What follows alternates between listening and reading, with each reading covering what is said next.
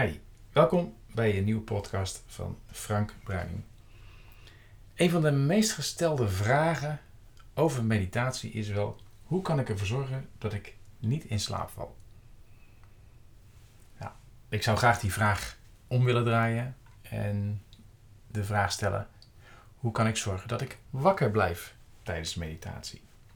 Want eh, ik wil eigenlijk altijd het woordje niet wil ik zoveel mogelijk eh, want op het moment dat je gaat denken, en dus, misschien ken je hem wel, dus ik niet denk aan een roze olifant, denk eens niet aan een roze olifant. Het eerste wat dan in je mind opkomt is een roze olifant, jawel. En um, op het moment dat je dus zegt, ik wil wakker blijven tijdens meditatie, geef je, je ook andere signalen aan jezelf. Maar dat lost het probleem niet altijd gelijk helemaal op. Um, op het moment dat je gaat mediteren, ik zeg altijd: zorg ervoor dat je, op een, dat je een vaste plek hebt om te mediteren.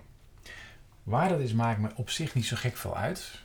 Uh, het liefst zou ik het niet in de slaapkamer doen of niet op bed. Ik weet dat veel mensen dat doen, die gaan liggen in bed. Dan vind ik het niet zo raar dat je in slaap valt.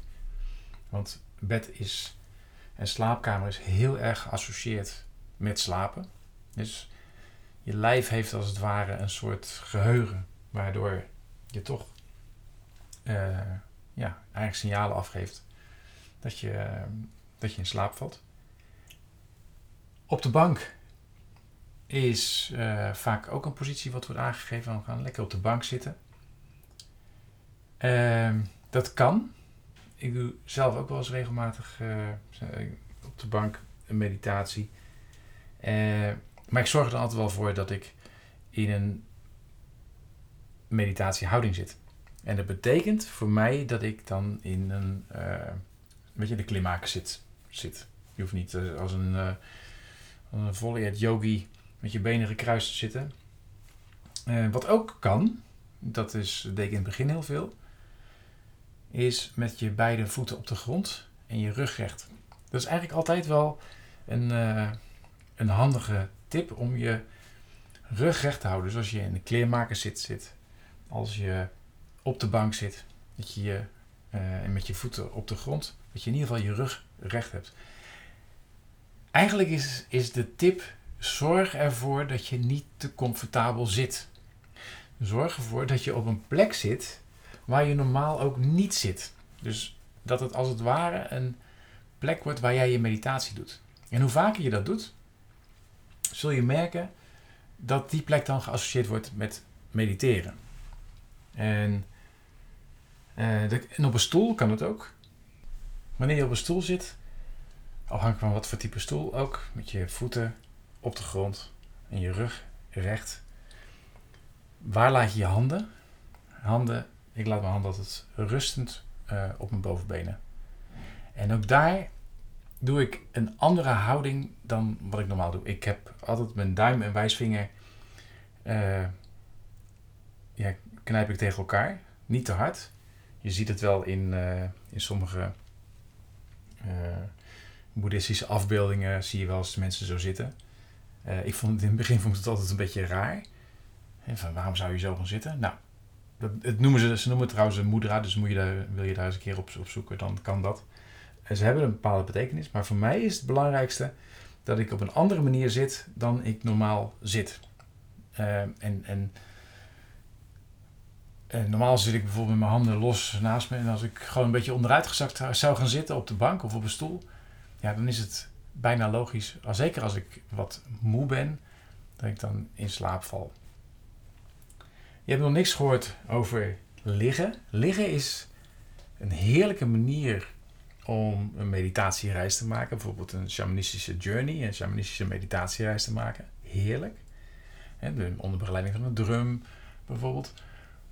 Uh, maar het is ook de grootste uitnodiging om in slaap te vallen. Omdat liggen ook weer door het lichaam, door jouw lichaam wordt geassocieerd met slapen.